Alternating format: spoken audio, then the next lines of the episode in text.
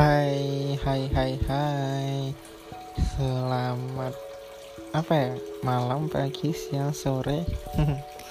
ya, selamat malam ya karena ini buatnya malam.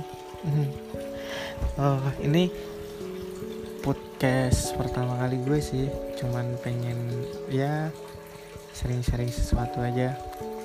Hmm, kebetulan gue mau sharing-sharing tentang LDR ya? Hmm, jadi gue tuh ini pengalaman pribadi gue. Gue udah pernah LDR ya selama kurang lebih hampir setahun lah. Ya karena awalnya tuh kayak gini.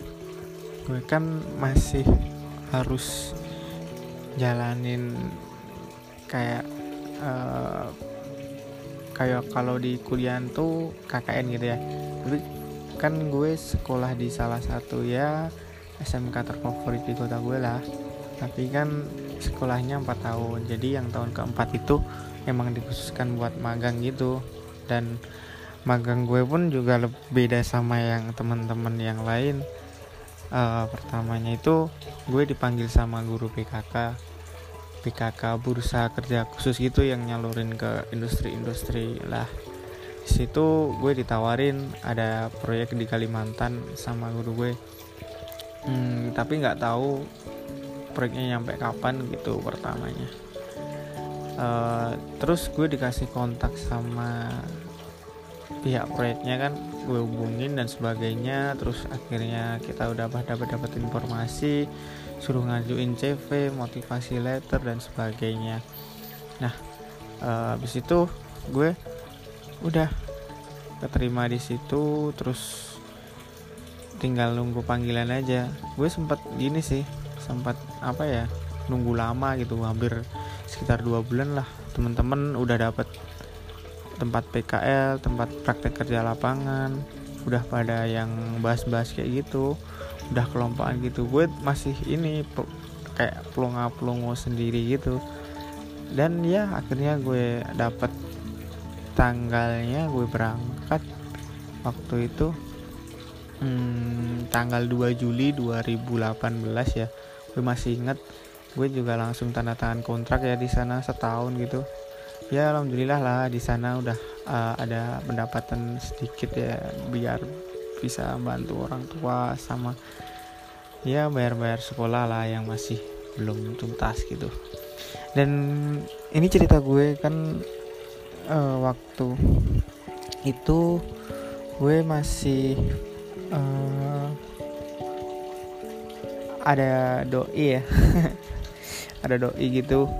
Doi ya udah pacar sih cuman awal-awal dulu pas kelas 3 gue baru sekitar kurang lebih ya hampir mau setahun lah ya. Terus gue tinggal dia. Kebetulan dia itu beda sekolah sama gue cuman gue kenal sama dia karena sebenarnya kenal pertama itu dari mana ya? Dari dari Instagram ya kayaknya. Terus uh, gue DM dan sebagainya. Terus ya kebetulan dia anak anak organisasi juga sama gue kan. Ya sepemikiran lah gitu. Terus akhirnya dulu tuh sempat dia cuma dm gitu. Terus vakum lama akhirnya ketemu di salah satu event. Terus gue langsung chat dia soalnya pas gue deketin dia itu pas lagi rapuh-rapuhnya ya. Akhirnya dia datang ya udah. Terus jadi ya nggak lama kemudian gue inilah dan cepet. Terus LDR di sana pertama kali rasanya itu satu minggu dua minggu kayak gimana ya hmm, nanyain hal-hal baru gitu. Dia nanyain hal baru dan kayak apa ya khawatir gitu ya. Soalnya ya emang kalau dilihat dari kondisinya di sana tuh emang susah banget. Jadi dari perjalanan dari bandara dari bandara Syamsuddin Nur bandara Kalimantan Selatan di Banjarmasin itu itu 8 jam ke kota di mana tempat gue berada itu. Itu masih kotanya belum ke lokasi proyeknya. Terus dari loka dari kotanya ke lokasi proyeknya itu masih tiga jam. Jadi total perjalanan itu 11 jam. Dan itu bener-bener asli di tengah hujan. Di tengah-tengah hutan. Lo bisa browsing aja sih banyak kok. Namanya PLTMG Bangkanai itu Kalimantan Tengah di Barito Utara. Banyak di situ dan benar-benar miris banget. Terus doi itu khawatir gitu doi hmm, gimana ya nanyain kabar mulu? Terus ya kayak gitulah. Awal-awal ya namanya ditinggal terus hubungan awal juga masih anget-anget gitu si sayang gitu. Ya dia harus terima lah jalanin. Kebetulan itu dia masih kelas 3 sisi satu tahun dia sama gue. Gue kelas 4 dia kelas 3 kalau di sekolah gue kan 4 tahun. Dia satu tahun tanpa gue sih. Ya ya tiap bulan sih kayak ya nggak tiap bulan sih hampir dua minggu sekali gitu ya. Kita itu sering buat novel. Ya bukan buat novel di WA itu kayak novel gitu loh panjang banget lah harus jelasin ini itulah gitu supaya ya biar hubungan tetap hmm, tetap stabil gitu. Ya godaan pasti banyak ya pasti pasti banget banyak gitu. Tinggal ini aja sih kalau gue sih komunikasi ya yang pertama sama kepercayaan.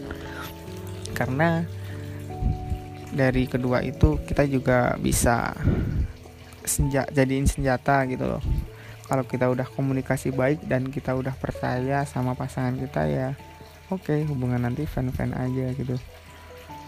Ya sering sih. Gue juga kadang netting gitu ya sama dia. Tapi alhamdulillah sih dianya mm, bisa jaga dan gue pun juga harus bisa jaga. Kalau masalah godaan di sana sih ya banyak ya yang namanya di perantauan gitu. Pastilah gitu cuman gue nyikapinnya banyak-banyakin komunikasi. Dan ya gue banyak-banyakin komunikasi sama dia. Banyak-banyak banget komunikasi tiap malam VC lah dan sehingga dan sebagainya lah. Nggak pernah sehari pun nggak ngabarin gitu. Ya kalau misal ngabarin udah kayak gimana ya e, gitulah. Nggak enak rasanya. Yang perlu di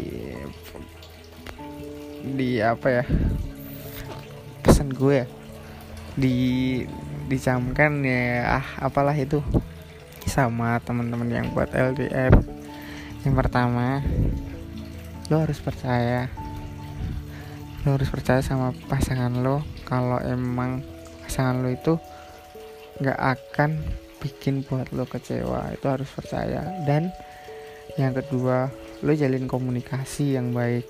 Udah nggak usah nggak usah uh, malu siapalah yang ngechat duluan siapalah masa gue terus masa dia terus jangan kayak gitu. Udah ya saling ngertiin aja.